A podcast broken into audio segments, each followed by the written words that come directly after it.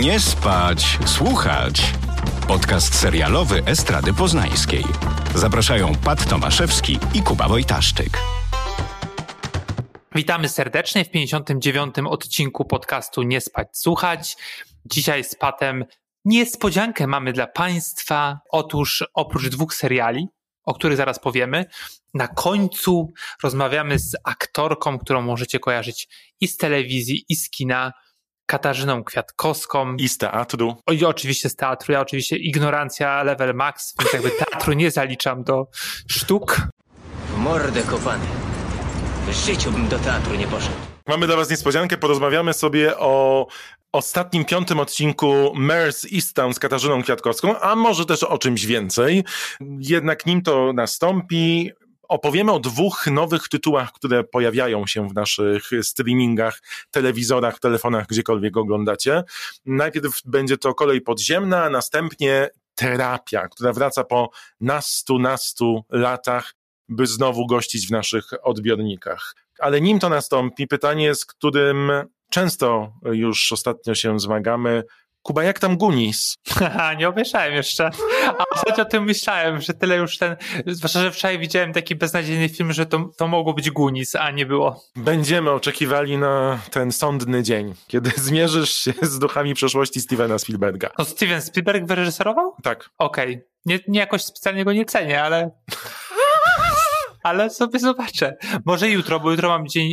Nie jutro. Nagrywamy w piątek, czyli jutro w sobotę mam taki dzień chilloutu, ale planuję obejrzeć Gwiezdne Wojny, Uch. jakby trzecia część, czyli tak naprawdę szósta.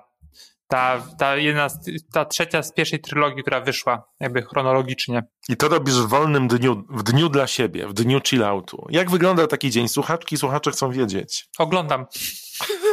A jak wygląda normalny dzień? Oglądam Ogl- i piszę. Oglądam i piszę, tak. I czytam, czytam, zawsze czytam. No, ja marzę teraz o takim dniu, żeby nic nie robić. Kiedyś to wiesz, marzyło się o wycieczkach zagranicznych, o to, żeby wejść na jakiś szczyt, popłynąć, zanurkować, a teraz marzę o tym, żeby położyć się i nic nie robić, naprawdę. Ja nigdy nie miałem takich marzeń, żeby gdzieś jeździć i nurkować. Nie spać, słuchać. Dobrze, pierwszym serialem, o którym porozmawiamy jest Kolej Podziemna, dziesięcioodcinkowy serial Barego Jenkinsa, który miał premierę niedawno na, na Prime Video. Tak, bardzo wyczekiwany serial. Where did they go?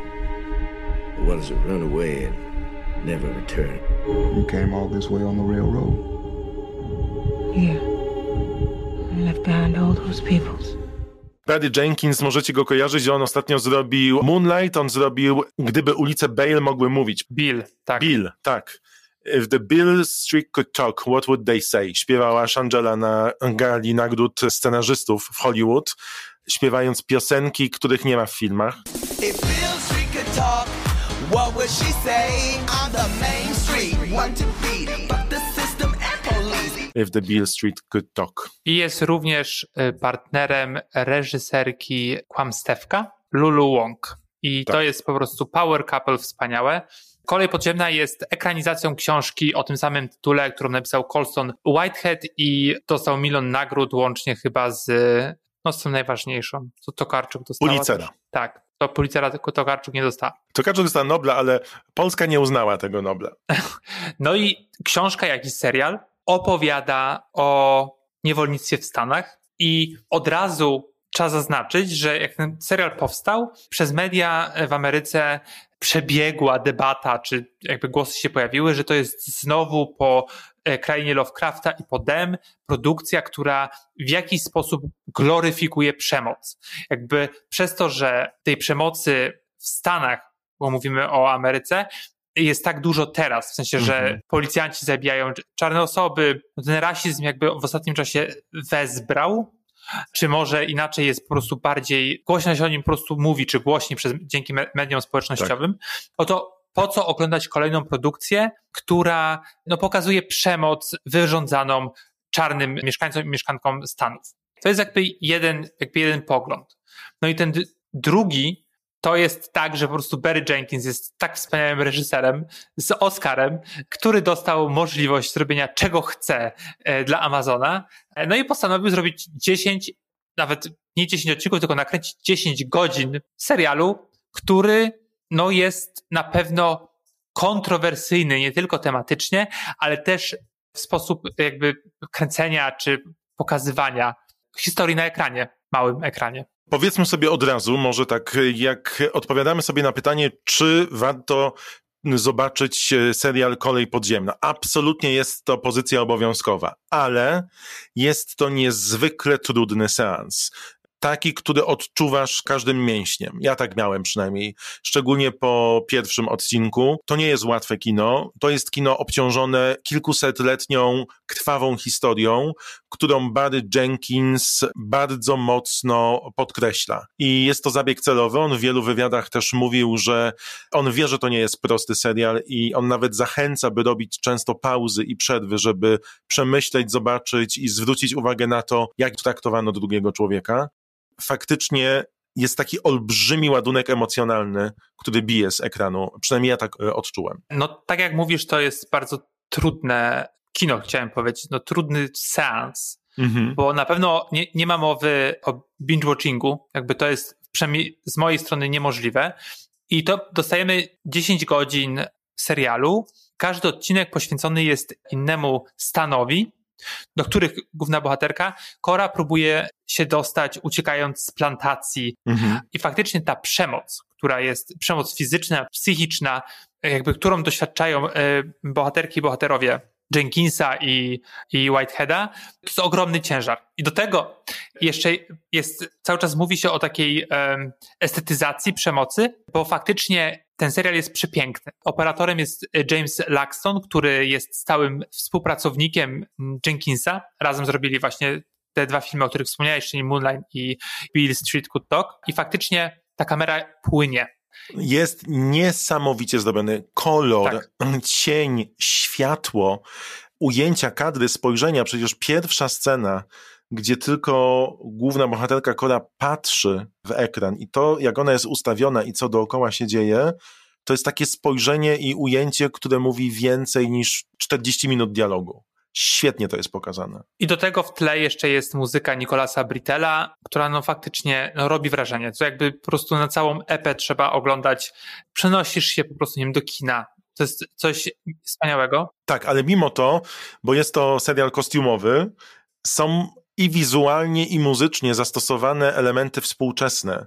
To jest, myślę, też duży plus wizualny tego e, serialu. No tak, no i zaczynamy w Georgii, gdzie Kora mieszka na plantacji, no i jej towarzysz podróży, Caesar, proponuje jej, że to jest ten czas, że muszą uciec. I pojawia się historia właśnie tej kolei podziemnej, która naprawdę w, w, prawdziwej Ameryce była plotką, taką legendą, że coś takiego istnieje i faktycznie nazywano koleją ten szlak, gdzie niewolnicy uciekali. No, u Jenkinsa i też w książce ta kolej istnieje. No i to jest takie właśnie zacięcie fantastyczne. No i każda taka metaforyczna stacja, dlatego metaforyczna, bo Kora nie zawsze podróżuje koleją, tylko czasami po tych stanach podróżuje, nie wiem, wozem na przykład. Mhm. Jest innym spojrzeniem na e, niewolnictwo w Stanach. I za każdym razem, gdziekolwiek się nie pojawi, no to mamy zupełnie jej obraz inny. I jakby kolejny stan to kolejne problemy i no jest to tak naprawdę horror co tam się dzieje, że jakby wiemy, że coś się wydarzy zaraz, to takie mm, napięcie towarzyszy nam nieustannie przez całą godzinę seansu, co faktycznie jest trudne do zniesienia, ale jednocześnie przez obraz, przez temat, przez to, że kibicujemy tej głównej bohaterce, ale nie tylko jej, no nie możemy odwrócić wzroku od ekranu. Przynajmniej ja tak miałem, że to jest takie bardzo dziwne uczucie, które na pewno mi nie towarzyszyło na przykład przy Dem, o którym zresztą rozmawialiśmy. Tutaj mam wrażenie, że dostajemy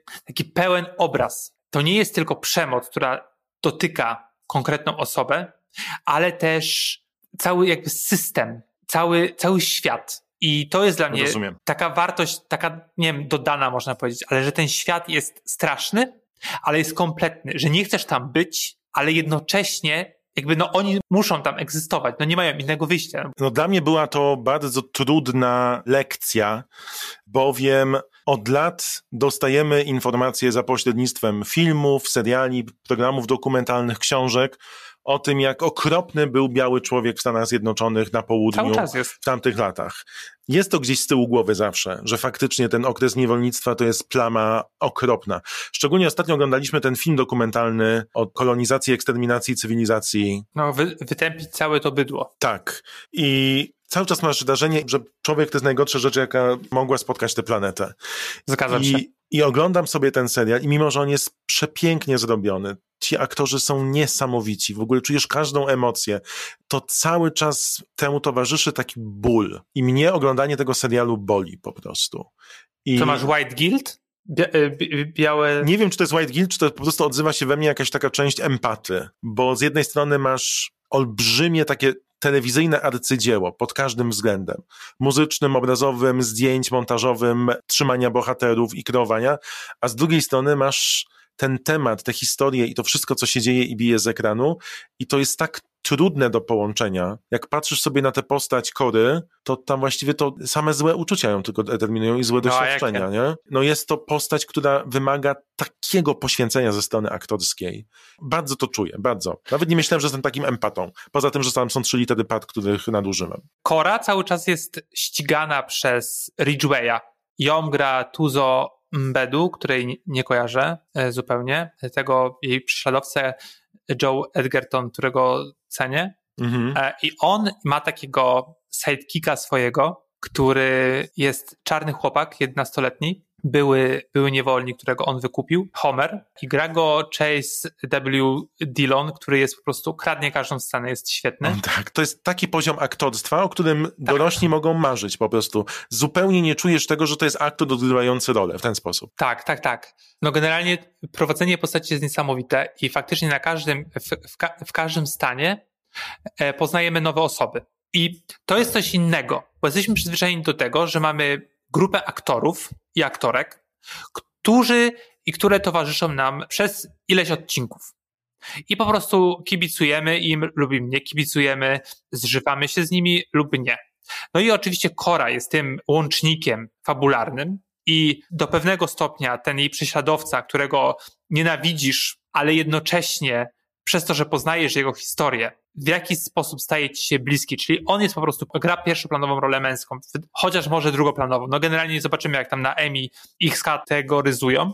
Mhm. Powiedzmy, że to jest ten trzon pierwszoplanowych postaci. Pozostałe pojawiają się na moment, poznajemy w mniejszym lub większym stopniu historię i później znikają.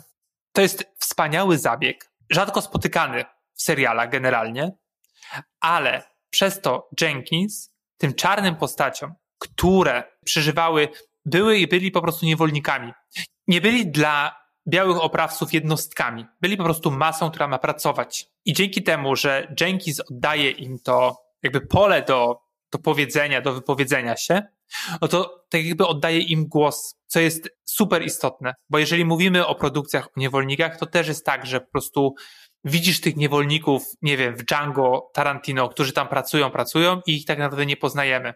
Poznajemy tylko niektóre postaci, które jakby towarzyszą nam przez, przez cały film. A tutaj na moment dostajesz taki glimpse, taki dostęp do tego okrutnego świata. To jest dla mnie niesamowite. To jest takie, no, ja jestem zafascynowany takim kręceniem. To jest super ciężkie.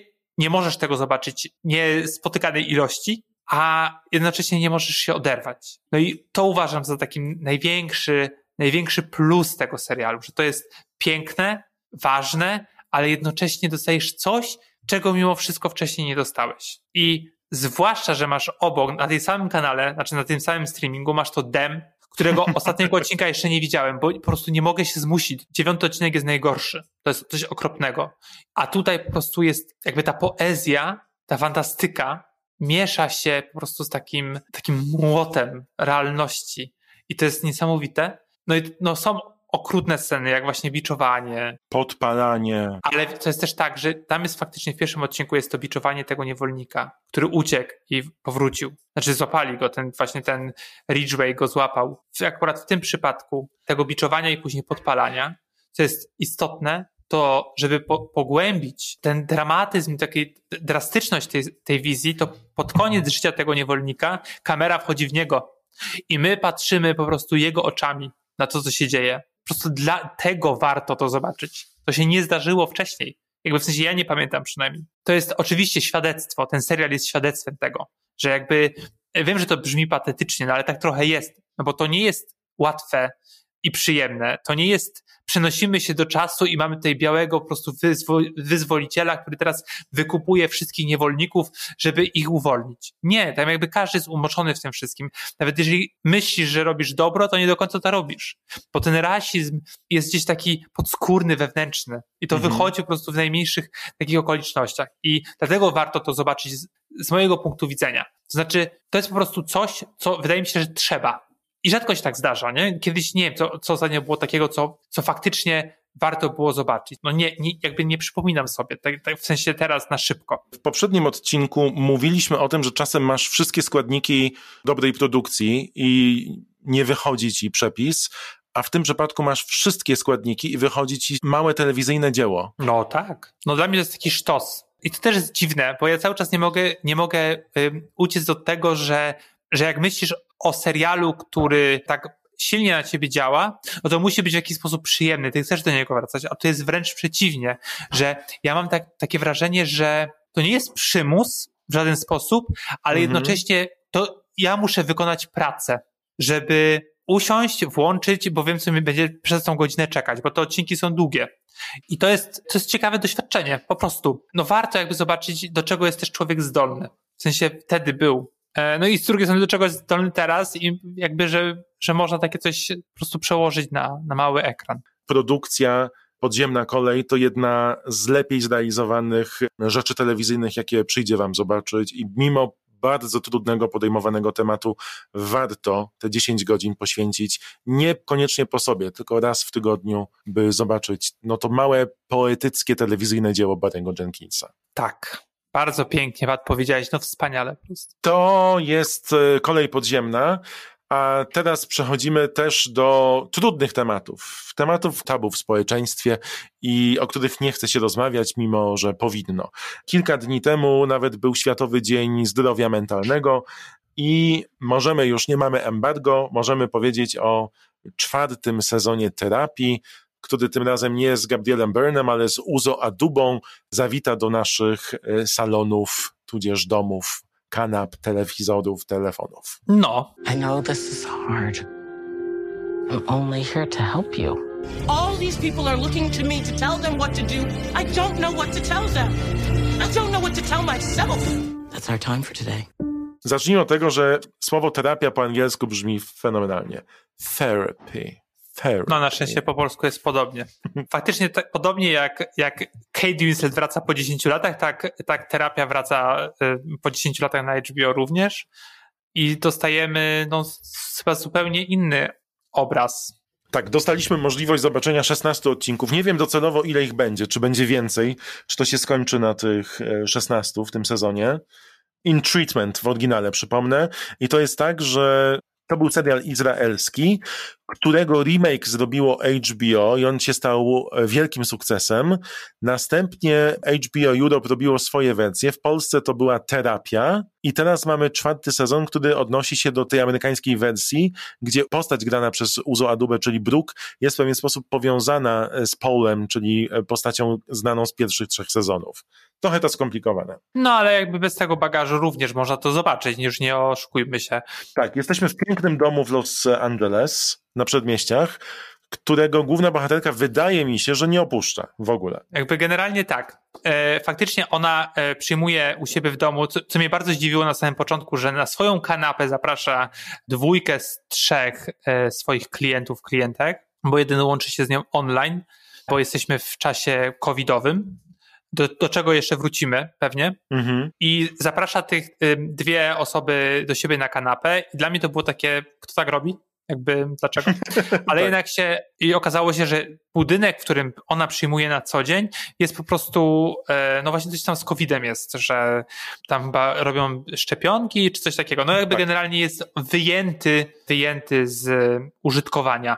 I faktycznie ten COVID na początku bardzo mnie to wyprowadziło z równowagi, bo cały czas jakoś nie jestem przekonany do tego, żeby używać tej współczesnej pandemii do do produkcji różnych. Jeszcze po półtorej roku, Kuba? No właśnie, no nie wiem, jakoś tak cały czas dla mnie to jest za świeże, ale też z drugiej strony jest tak, że ta tematyka jest super po macoszemu potraktowana w tym, w tym serialu. Generalnie tylko chodzi o to, że ktoś może przyjść w maseczce, powiedzieć tak, Tak. dziwnie, no jestem zaszczepiony, no i mamy faktycznie jedną postać, Eladio, który e, łączy się z nią na Zoomie. Tak, a ja w międzyczasie przeczytałem, że czwarty sezon będzie składał się z 24 odcinków, zatem jeszcze 8 poza tym, co zobaczyliśmy, dostaną widzowie. Ja widziałem cztery. A, no ja widziałem 16, dałem to sobie. Naprawdę?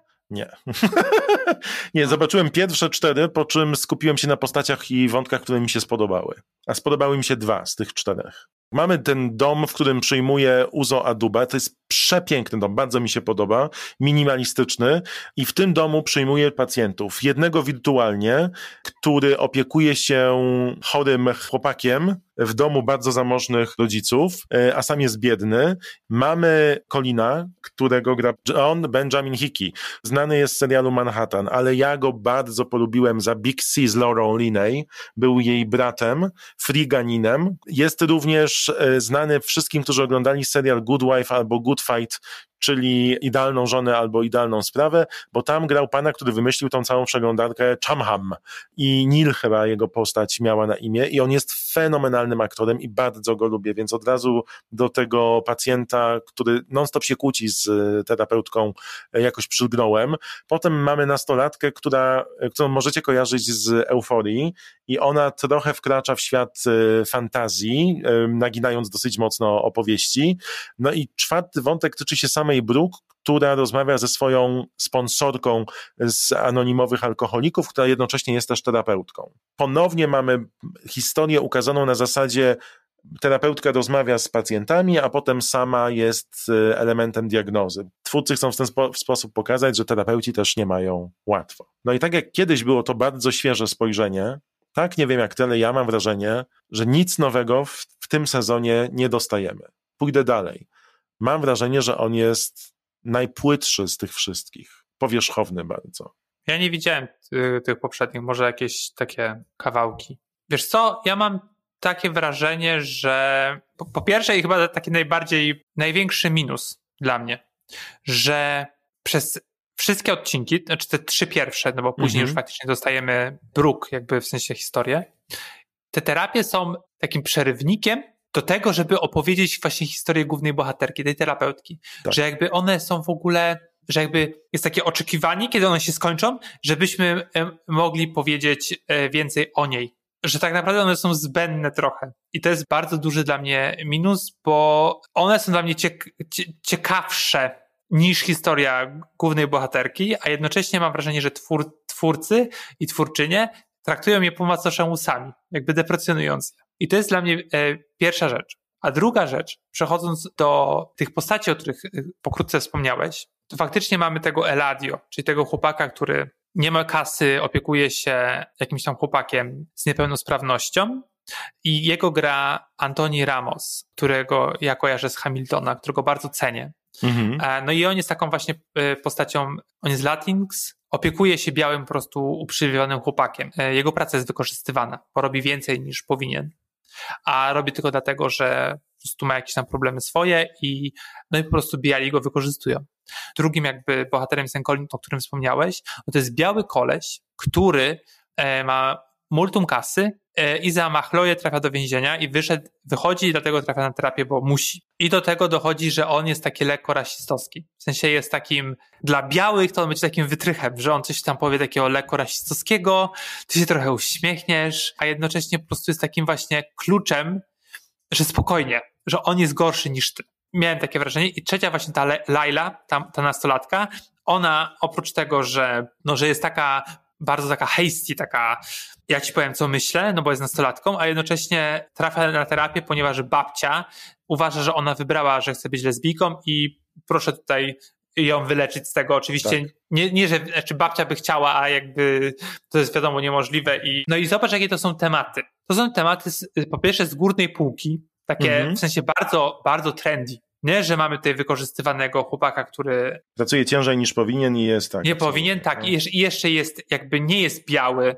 e, i Tak. biali go wykorzystują. Mamy białego kolesia, który jest tak 1% Ameryki po prostu symbolizuje. No i jeszcze ta Laila no jest czarną nastolatką, nieheteronormatywną. No jakby są to tematy po prostu takie, wiesz, no z pierwszych stron gazet, rozumiesz? Tak. O tym teraz wszyscy mówimy. Jakby do tego jeszcze dochodzi ten COVID i dostajemy po prostu no taki, takie streszczenie dzisiejszych czasów. No a terapia, jakby wiadomo, że przychodzą tam osoby na terapię, które no niekoniecznie muszą mieć problemy popularne. To jest chwytliwe, oczywiście jakby nie umniejszając temu, tylko jakby napakujesz takie rzeczy w serialu, to jakby się okazuje, że po prostu doktor Brooke Taylor nagle jest jedyną e, w kraju specjalistką od tego, od naj, naj, najważniejszych tematów po prostu, którymi społeczeństwo, społeczeństwo amerykańskie jest targane. Są to tematy chodliwe, o których łatwo się mówi i pisze, bo się je zna właśnie z, z gazet, z blogów, z, z informacji. Ale też natomiast z życia. też, tak, natomiast też jest ta terapia sama w sobie, jak jest prowadzona, nie wiem, czy zwróciłeś na to uwagę, ona jest bardzo konfrontacyjna z nimi wszystkimi. Bardzo. Zastanawiałem się, czy to jest dobre rzucanie światła na, na ten ważny aspekt zdrowia mentalnego. Bo jednak nie jest to serial dokumentalny, jest to serial dramatyczny, którego zadaniem jest właśnie wywołać w widzu emocje. No i przez to jest trochę naciągana każda relacja, no bo ona musi coś wnosić. Jest to też format nietypowy serialu, no bo masz dwójkę bohaterów i kamerę i właściwie i tyle.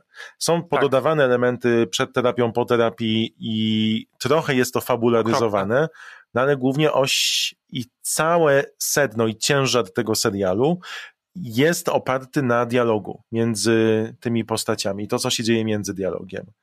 I nie wiem, czy też miałeś to wrażenie, ale ja po tych wszystkich odcinkach mam wrażenie, że to jest ta rzecz, która niestety bardziej idzie w teatr niż w telewizję i to by bardzo, bardzo mnie zabolało. Ale taki teatr, w sensie teatr y, Kamienica z Warszawy. Ale do, te, do tego jeszcze wrócę, to tutaj połóżmy pin na to, ale ja mam wrażenie też, że jak ona prowadzi tę terapię, znaczy jakby nie zrozumcie mnie źle, oni grają wszyscy super Tak. i starają się faktycznie to, co dostali, odgrywać, a Dubois jest ekstra, Ona jest super. ale to, jak ona prowadzi tę terapię, to jest coś, co jest bardzo częste w serialach i jakby oczywiste, ale tutaj mi bardzo to razi. Jakby ona przez rozmowę z poszczególnymi postaciami próbuje pracować na własnych problemach. To jest super egoistyczne podejście, no i chyba z terapią ma mało wspólnego.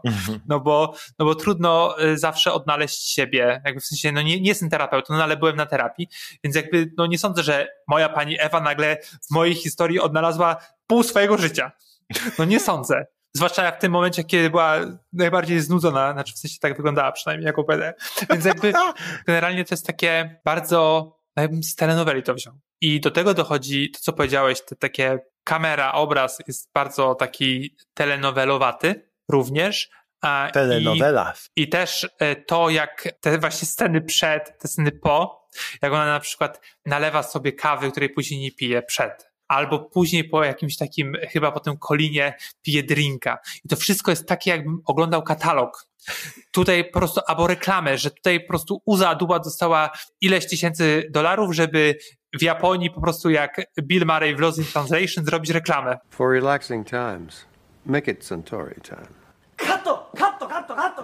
No, i jakby ta, takie miałem wrażenie. I to mi bardzo, bardzo, bardzo przeszkadzało. I później sprawdziłem, kto jest showrunnerem tego. Mhm. No i między innymi to jest Joshua Allen, który zrobił Empire. No więc jakby to jest wszystko jasne. Przestrzenie się zgadzają nagle i już wiesz, kuki brakuje. No, no jakby w sensie, wiesz, to, to, to mi ba bardzo takie to jest sztuczne. I, ta, I ten cały dom, który jest przepiękny, również jest sztuczny. Jakby tam nikt nigdy nie siadał, a przecież siedzą. To prawda, I- też e, zwróciłem na to uwagę, że tam nawet na szybie nie ma ani jednego śladu, nie? I to mi przeszkadza.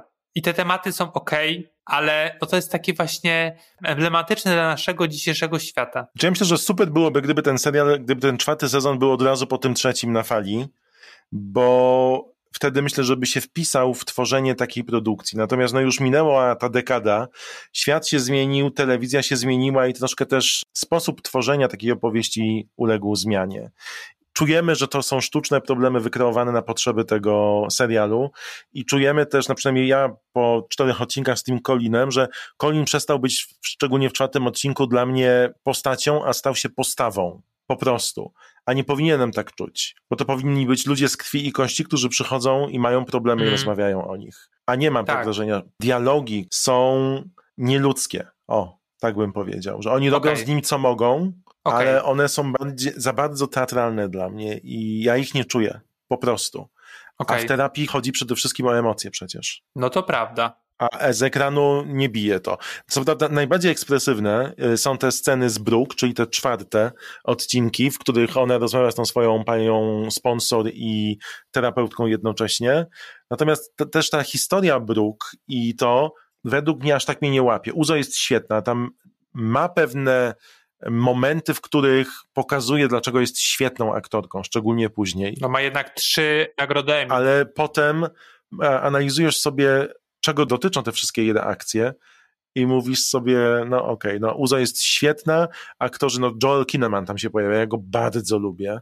On w The Killing grał świetnie przecież, a też jest e, aktorem teatralnym niesamowitym. I mówisz sobie, serial okej, emocje zero, natomiast no fajnie obcować z tymi aktorami, bo to jest rzadkość, kiedy masz, wiesz, 20 minut monologu właściwie, nie? Możliwość zobaczyć. No tak, tylko że jak wchodzisz w świat terapii, ja na przykład chciałbym mieć po prostu na, nagrywanie włączone. Ja wiem, że są, o to chodzi, że jakby to jest taki, pamiętasz jak mówiliśmy zawsze o Downton Abbey, że to jest takie wejście do, Mhm. albo o The Crown, że wchodzimy na takie salony, do których nie możemy wejść. I tutaj wchodzimy do emocji ludzi, do których nie mamy dostępu, bo po prostu no, nie, nie znamy i tak dalej. I ja bym chciał coś takiego zobaczyć. A mam wrażenie, że oglądam, no nie wiem, jakieś takie tarcze z poglądami, albo taki, taki wytrychy. Rozumiem cię, bardzo ładnie się świata. tarcze z poglądami. Takie tablice z informacjami, tak, tak. Tak. korkowe. I, że, że jakby tam nie ma takich no, prawdziwych emocji na pewno i że to wszystko jest takie pod publikę trochę. Ja też to czuję. Że to, bo tutaj się, ale to właśnie chodzi o to, żeby pojawiła się, nie wiem, no nie chcę, wiesz, jakby naprawiać scenariusza, no ale żeby się pojawiła, nie wiem, samotna matka, która ma jakieś takie zwykłe, takie, zwykłe, niezwykłe, no to trudno powiedzieć, takie bardziej przyziemne jeszcze, jeszcze bardziej, a nie po prostu cały konglomerat, wiesz, białego uprzywilejowanego kolesia, który siedział w więzieniu, bo ukradł pieniądze, a dalej ma pełno kasy i tak dalej. Tak, no nie możesz poczuć więzi z bohaterami, ponieważ nie możesz się przejrzeć w bohaterach. A to jest, myślę, też duży zarzut. Że nie ma takiego problemu, takiego, z którym się bardziej możesz identyfikować, że jakby w sensie bardziej niżej spuścić to powietrze, nie mówić o całym świecie, tylko mówić o jednostce. Czyli polecasz? No nie wiem, jakby w sensie, no to nie jest zły serial, to jest jakby... No ale zobacz, bo to jest to samo, co ja mam. On jest poprawny, ale to nie jest serial, po którym ja mówię, no zostało nam 8 odcinków, mnie przynajmniej. No nie, I- ja na pewno nie obejrzę 23. No i ja też mówię, no ja już dziękuję. Też jest to poprawna rzecz, jeżeli komuś się podoba takie pogranicze telewizyjno-teatralne, to być może odnajdzie coś dla siebie. Mnie nie porwał, Uzo jest świetna, aktorzy są bardzo fajni i szkoda, że nie wykorzystano ich potencjału, żeby przedstawić bardziej ludzkie, bliskie nam historie. Tak, no i super. No to to jest y, informacja w sprawie kolei podziemnej i terapii, a już za chwilę przejdziemy do rozmowy z gościnią. Odwiedzi nas osoba, która pisze co tydzień właściwie, kiedy ja będę, kiedy ja będę w tym podcaście i wreszcie damy jej dojść do głosu. Tak, Katarzyna Kwiatkowska. Dziękujemy za wszystkie listy, że chciałaś Chciałam, wystąpić w tym bardzo, podcaście. Bardzo ci dziękujemy. Liczyłam, czekałam, no i wreszcie udało się wyprosić. Prosił, prosił i wyprosił. Kobieta, matka, aktorka, ogrodniczka krótko, matki, ostatnio. żony i kochanki. Skoro już będziemy rozmawiać podobno o serialach, no to przywołajmy klasykę gatunku. Serwis, hello.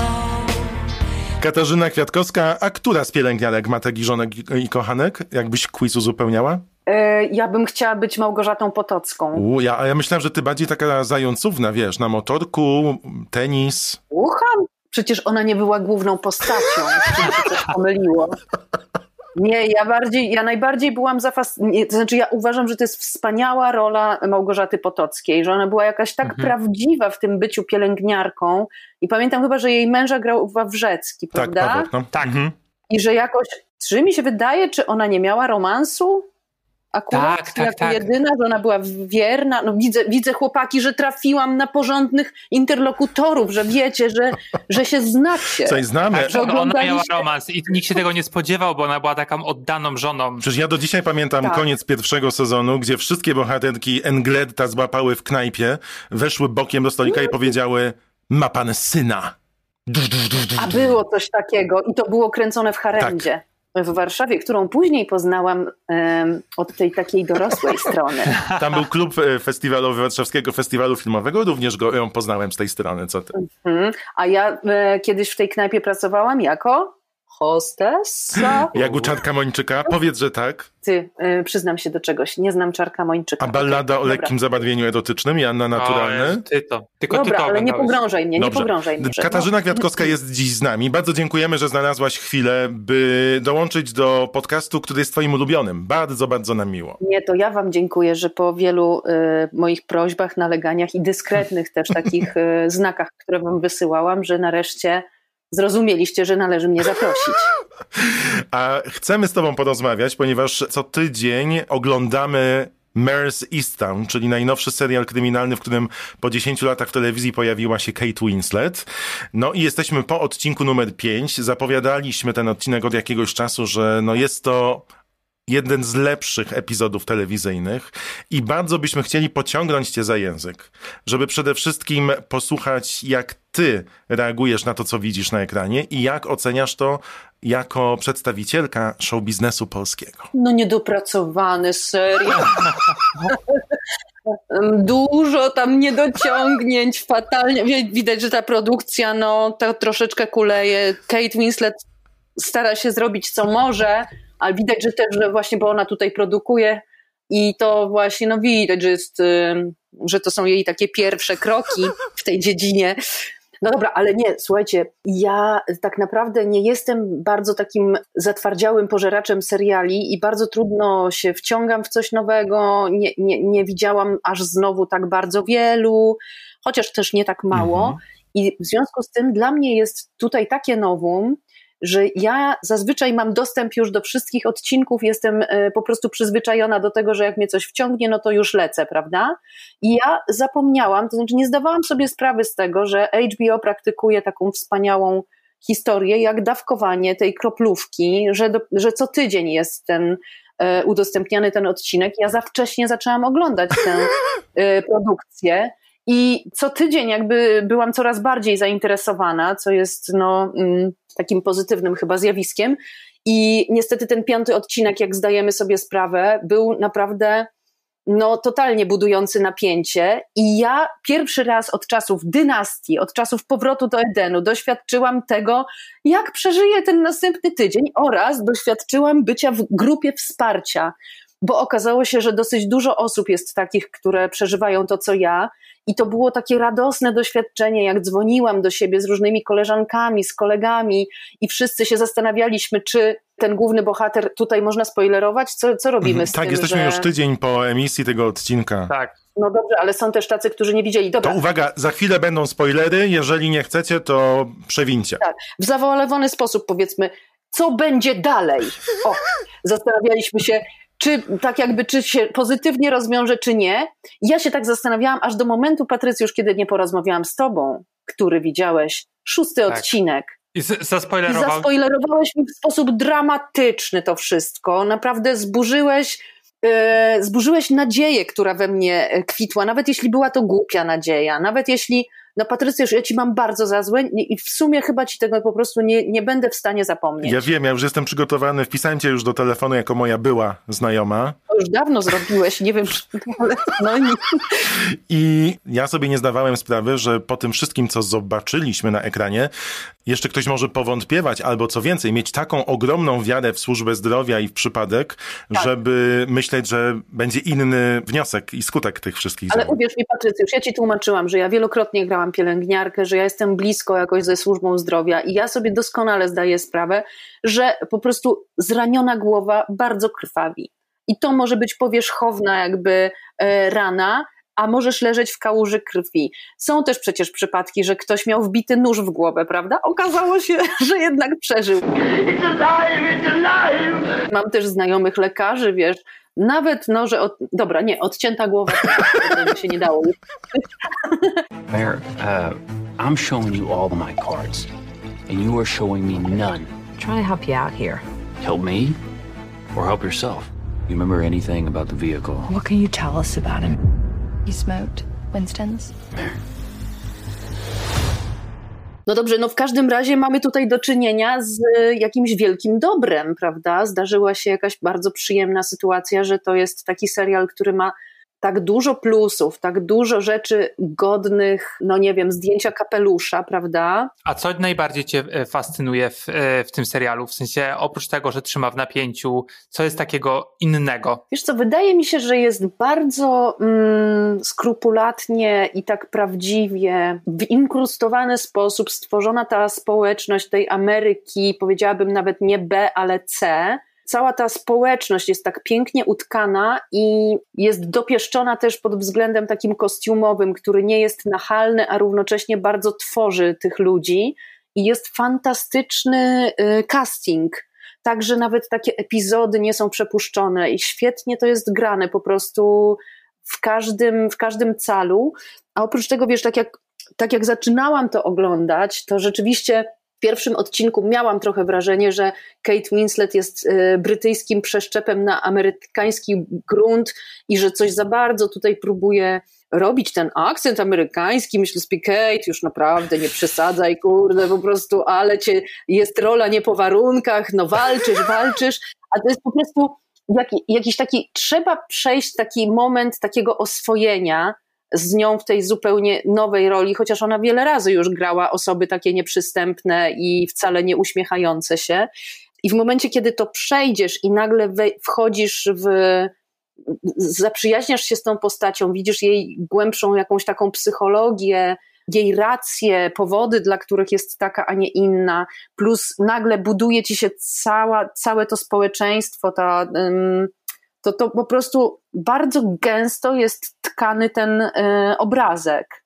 I rzeczywiście ta fabuła jest też taka gęsta, bo te postaci drugoplanowe, a nawet trzecioplanowe są do tego stopnia zaznaczone fabularnie, prawda, że one też mają swoją historię i to taką wiarygodną i ładnie się to też zahacza dookoła, jedno z drugim, te pucle pięknie pasują, no i po prostu no, szafa gra, prawda, i buczy. Znaczy super jest to, że oni wszyscy są świadomi sytuacji, w której żyją. I to miasteczko jest takie pozbawione nadziei na to, że komuś będzie lepiej i oni się w tym, tak. według mnie ja to tak odbieram, że rozumieją. Dlatego tam wiesz, y, jak się kłócą, to się jednocześnie rozumieją, tak? Jak gościu wrzuca mleko przez okno tłucząc je, to Mer kontynuuje jeść mhm. kanapkę, bo ona rozumie wszystkie emocje, które, wiesz, buzują w tym kolesiu. Tak, to jest, to jest niezłe. Ja jeszcze, wiecie czego sobie oszczędziłam, bo podobno jest SNL już zrobił fantastyczną tak. parodię i ja sobie pomyślałam, że oni często robią tak wspaniałe te parodie, że potem mi to jakby burzy, znaczy a, wchodzę w taki tryb szydery, że już nie jestem w, sta w stanie oglądać potem e, na poważnie te, tego serialu. Ja tak miałam z... Homeland. Tak, z Homeland. Ja niestety zobaczyłam najpierw tę parodię i ja potem już nie dałam rady obejrzeć ani jednego odcinka. No niestety. Ja też tak miałem. To Anne Hathaway była świetna w tej parodii, to prawda. Tak, no niestety. Niestety uchwyciła wszystko. Ja nawet po prostu teraz jak chciałam, nie byłam sobie w stanie przypomnieć tego tytułu, to chciałam powiedzieć, no ten film taki z Anne Hathaway. Więc właśnie, aha, jeszcze to też jest wspaniałe, że no w tym całym e, toczącym się, powiedzmy, dramacie psychologiczno-kryminalnym, jednak okazuje się, że znalazło się subtelne miejsce na przemycenie jednak dowcipów, na, na jakieś takie akcenty komediowe, które nam proponuje Kate Winslet. No i wspaniała też jest relacja y, jej z matką. Jean Smart jest niesamowita. Tak. Niesamowita, wspaniała, dowcipna fantastycznie one się kłócą ze sobą, fantastycznie się nienawidzą, a równocześnie no, bardzo mało jest tych sygnałów o tym, że one się kochają, a jednak e, oczywiście zdajesz sobie z tego sprawę, że to jest mocna relacja i, i że po prostu że, że ona jest. Znaczy to jest super i też przede wszystkim nie zapominają twórcy, że bohaterowie mogą mieć poczucie humoru nawet w najtrudniejszych chwilach, nie? To jest w ogóle tak, świetne w tym. Tak, to jest wspaniałe i, no i jednak rozdzierająca jest ta historia z, mm, z synem, który popełnił y, samobójstwo i z tym, jak tak naprawdę Kate Winslet y, ma te reakcje w momencie, kiedy, kiedy ktoś jej wkłada, to znaczy po prostu nie kij w mrowisko, kiedy, kiedy godzi ją do żywego, tak jakby dotyka po prostu samego sedna jej rany, mówi jej coś niemiłego na temat jej relacji z synem, tak jak jej synowa tam, że, że on cię nienawidził, nawet nie zdajesz sobie sprawy, jak bardzo cię nienawidził. Ja bardzo doceniam to, co ona gra w reakcjach, czyli że tak naprawdę ona właściwie zamyka się w sobie, nie wiadomo co to jest, to jest tak jakby taki ból, który cię przewierca do samego środka, właściwie ona tam gra nic, to jest jakieś wewnętrzne tylko granie i widzimy tylko taką nieprzeniknioną powłokę i ona w ogóle nie odparowuje wtedy, nie mówi nic na to, tylko po prostu tak zastyga. O, dziecko do mnie idzie, chcę prosić o następne Oreo. Jaśminka, ja tu rozmawiam o filmie, wiesz? Ale chciałam łam, łam no co chciałaś? zapytać, tak? Czy gdzie jest babcia? Mam dla ciebie takie zadanie. Babcia się bawi z tobą w chowanego, wiesz? He? No. Jaśminka, a pozdrowisz tutaj y, słuchaczy podcastu? Nie. Nie pozdrowisz? No bardzo mi przykro. Na, na pewno wszystkim nam jest przykro. Na razie, Jaśminka, leć szukaj babci. No to taki przerywnik, taki bonus. Zajrzyj na teraz, ale tylko wyjrzyj tak troszeczkę. A ile w twoim oglądaniu jest bycia widzką, Aha. a ile takiego profesjonalnego oglądania, że wchodzisz jako aktorka w odbiór? No ja myślę, że wiesz co, to, to jest takie chyba trudne do... Zaraz poczekajcie, yy, zamknę drzwi. To jest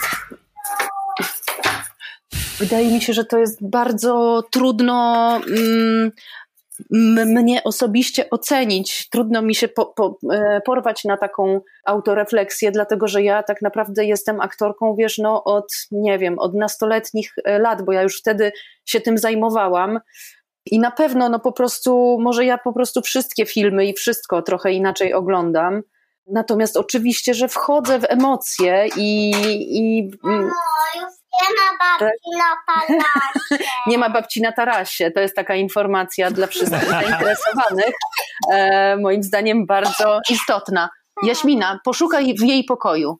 Dobrze, słuchajcie, już, już, już. A ona tak już kilka lat szuka tej babci? Czy jej tak wmawiasz? Czy... Poczekajcie, wiecie co, zróbmy taką mikroprzerwę, którą, to znaczy po prostu znajdę babcię. To jest mój ulubiony odcinek tego podcastu. Nie, nic nie wycinamy. Babciu, babciu, mamo. Szanowni Państwo, mała przerwa techniczna. W międzyczasie zapraszamy do zabawy. Czy Kasia znajdzie babcię? SMS o treści babcia tak lub babcia nie prosimy wysyłać na numer 710101 koszt SMS-a zgodny z Waszą taryfą operatora. Babcia tak, babcia nie. Wracamy do programu.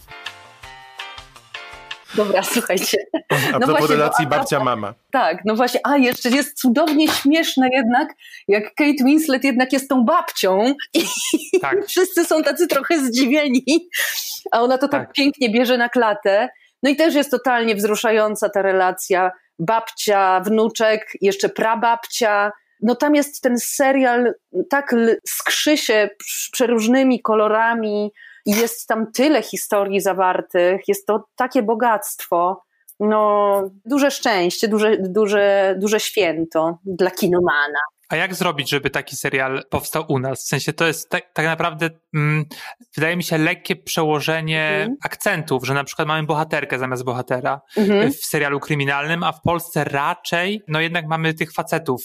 Ale wiesz co, ja teraz widziałam dosyć dużo było. Na przykład y, jestem pod wielkim wrażeniem takiego serialu, to chyba Igor Brejdygant napisał scenariusz, to się nazywa Rysy i tam główną rolę gra Julia Kijowska, tak. która jest po prostu fenomenalna.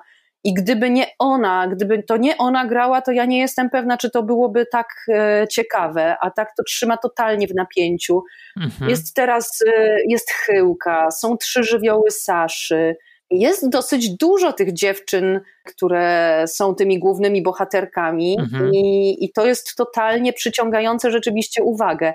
Natomiast rzeczywiście, no, żeby, żeby u nas coś takiego powstało, no co, no, no podstawą jest oczywiście bogaty, dobry scenariusz. Następna rzecz, no zrobić dobry casting. Wydaje mi się, że dalibyśmy radę, że mm, mamy tak, tak dużo fajnych e, aktorów, Mamy też mnóstwo zdolnych reżyserów, coraz ciekawsze powstają te produkcje, szczególnie właśnie jakieś takie kryminalne. Wczoraj też oglądałam pierwszy odcinek e, Klangoru. Nie, nie, nie skończyłam, bo dosyć późno się za to zabrałam. Dziecko późno zasypia moje. Jest Ty masz dziecko? Pierwsze słyszę. Właśnie tak, mam córeczkę. Ale ona ma 18 lat, nie mówmy o tym. Dobra. E, nie, i tam, i tam byłam zachwycona scenami, które się działy w, w więzieniu. Jakiś, jeszcze go nie zczekowałam. Jakiś niesamowity chłopak grał więźnia. Nie wiem, e, chłopaki, czy wy to widzieliście, ale ja byłam po prostu totalnie zafascynowana, dlatego że ten chłopak zagrał jakieś wykolejenie, to było realistyczne. Szczerze, szczerze podziwiałam e, tę rolę. Dlatego ja wiem, że możliwości mamy wielkie. Oczywiście wiadomo, że na pewno wszystkim by posłużyło, gdybyśmy mieli trochę więcej po prostu pieniędzy na to, a co za tym idzie czasu, czyli żebyśmy nie gonili tak, że musimy nagrywać dziennie osiem scen albo i więcej, tylko po prostu, żeby to wyglądało inaczej. Tak jak jakiś mój kolega miał zdjęcia na jakimś niemieckim czy tam brytyjskim planie, przyjechał tam i aktorzy go strasznie przepraszali, współaktorzy, że dzisiaj są jacyś tacy, może nie do końca y, w formie, bo mieli dwa ostatnie dni bardzo takie jakieś długie i byli ponad 8 godzin na planie, bo trochę im się przedłużyły zdjęcia. No więc ponad 8 godzin. No my mamy tych 12 godzin, co uważam, że nie jest takie najbardziej zdrowe dla nikogo. To nie jest zdrowe. No dlatego, tak, a w Stanach że... niektóre seriale kręcą po 16, nie? To jest Ale jeszcze oczywiście, też. no bardzo często są też yy, yy, no, godziny dodatkowe nadgodziny, ale to też jest tak, że ja zauważyłam po sobie, jak ja mam taki 12-godzinny dzień pracy, w którym rzeczywiście jestem w każdej scenie, to już te ostatnie sceny, żebym nie wiem, jak, w jak dobrej była kondycji, to tak czasem jest tak, że fajnie jestem rozegrana, że jestem taka rozwibrowana i tak dalej, i to w jakiś sposób to zmęczenie służy. Ale najczęściej na przykład już w dziesiątej godzinie, żeby nie wiem, co robiła charakteryzatorka i żeby nie wiem, jak mnie świecili, to ja wyglądam jak taka jajecznica, słuchajcie, która naprawdę była trochę za długo na tej patelni. Rozumiecie? Wcięło się to białko i rozumiesz, ona jest tą jajecznicą taką prze, przeten, przejajecznicowaną, wiecie, przeciągniętą. No. To będzie to cytat, który są... będzie promował ten podcast. Jajecznica. Ale może ja rekapituluję, co powiedziałaś, odpowiadając Kubie, czyli Kuba, jest nadzieja w tym naszym polskim tak, show biznesie. Cieszę się, bardzo się cieszę. Przecież Patrycjusz napisał scenariusz, ja cały czas trzymam kciuki, bo to jest scenariusz, który opiewa na sukces i tam są, on się skrzy mm, po prostu dowcipem i lekkością, oraz czymś takim, że chcesz śledzić bohaterów. No i kurde, dawaj, dawaj, ruszaj z tym. Znaczy Patrycjusz z kolegą jakimś. Z Kubą właśnie. Ze mną. Z tobą? No widzisz. Tak. No to, no i widzisz, no to cię znam teraz. Gratuluję. Słuchajcie, tak strasznie trzymam kciuki za to, żeby to, co napisaliście, zobaczyło światło dzienne i po prostu zostało zrealizowane. Właśnie tego nam potrzeba, czegoś świeżego, dowcipnego, odnoszącego się też do tu i teraz. No nie wiem, no o, tak. Widzisz, Kuba, czyli dobrze opłacało się, żeby coś dobrego powiedziała na nasz temat, nie? Gadać wcześniej o niby serialu. Dobrze, dobrze. Chłopaki mi dali bombonierkę pod stołem. Czekoladki na M i kończy tak. się na I. Mają do, mają do dupy piosenkę reklamującą. Ta melodia jest podobna do niczego, z twarzy podobna do niczego, z dźwięków również.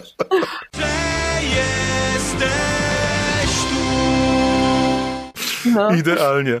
Rozmawialiśmy o Maris Easttown. To były nasze wrażenia po piątym odcinku. No nie sposób nie zapytać, Kasiu, kto tak. według ciebie tam jest tym killerem? No przecież już jest. A, bo to A. nie wiadomo, czy on to zrobił. No.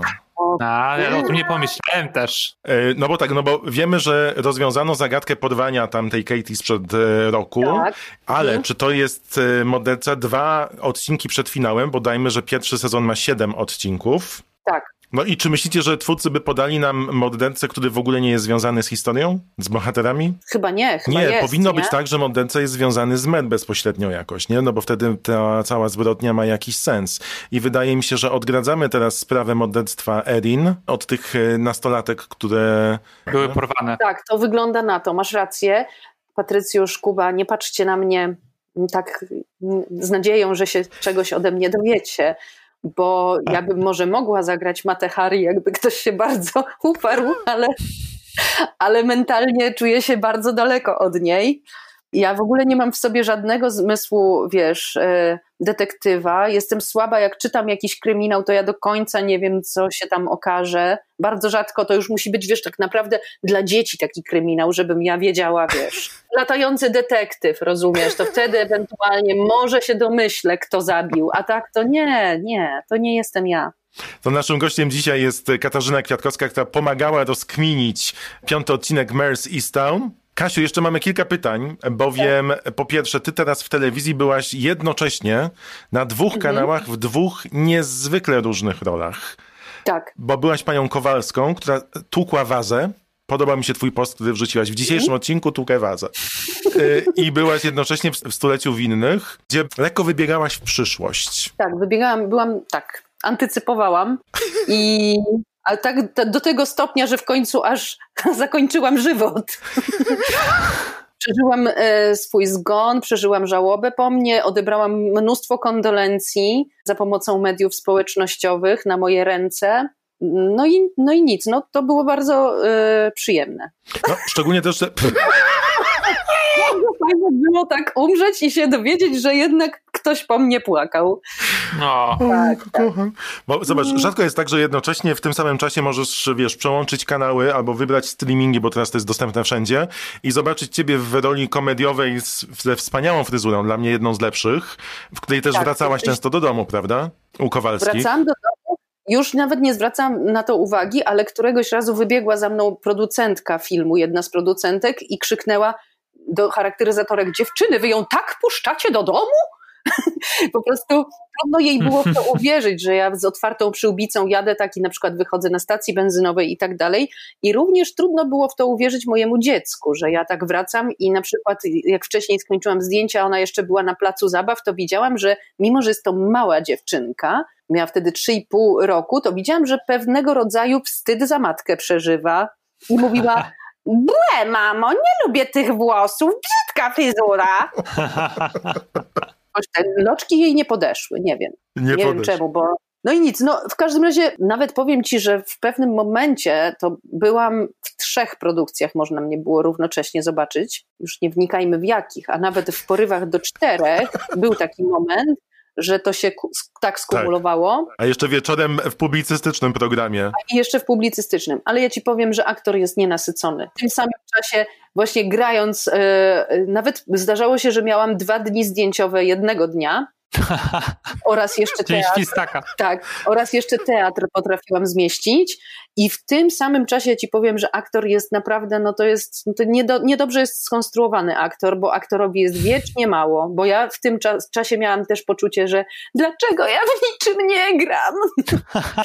więc no to, to tak to jest. Tak to jest, e, więc gdybyście chcieli koniecznie mi czegoś życzyć, to życzcie mi dużo pracy, ale takiej fajnej. To życzymy Tobie dużo fajnej Życzymy. pracy. Ja mam jeszcze jedno powiązanie, które może zahaczyć o to, nad czym teraz pracuje Kuba, bo Kuba pracuje obecnie nad e, książką o polskiej scenie dragowej i Ty miałaś swego czasu bardzo ciekawą historię, bo występowałaś w teatrze z Piotrem Buźko, czyli z Twoją starą. Tak, I możesz starą. opowiedzieć Kubie jakieś ciekawe historie związane z pracą z Piotrem, które może potem w anegdotach do książki dziabnąć. Jezus, I jest Piotrek- bohaterem mojej książki. Ja ci powiem, że wiesz, Piotrek, który został w banku pracownikiem roku i on tam po prostu w garniaku posuwał w tym banku, obsługiwał tych klientów, a w pożarze w burdelu był taką queerową dragą, czyli miał pięknie wypchane y, biodra i uda, y, ślicznie wytaliowany przez, przez gorset. I tutaj miał y, troszeczkę włosów na klacie, złote wąsy, długie rzęsy.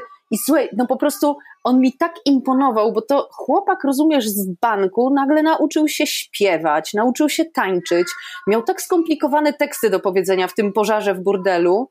I e, wiesz, ja stałam koło niego i widziałam, jak on je mówi pięknie, płynnie, przechodzi potem w śpiewanie, i myślałam sobie, to jest przekozak.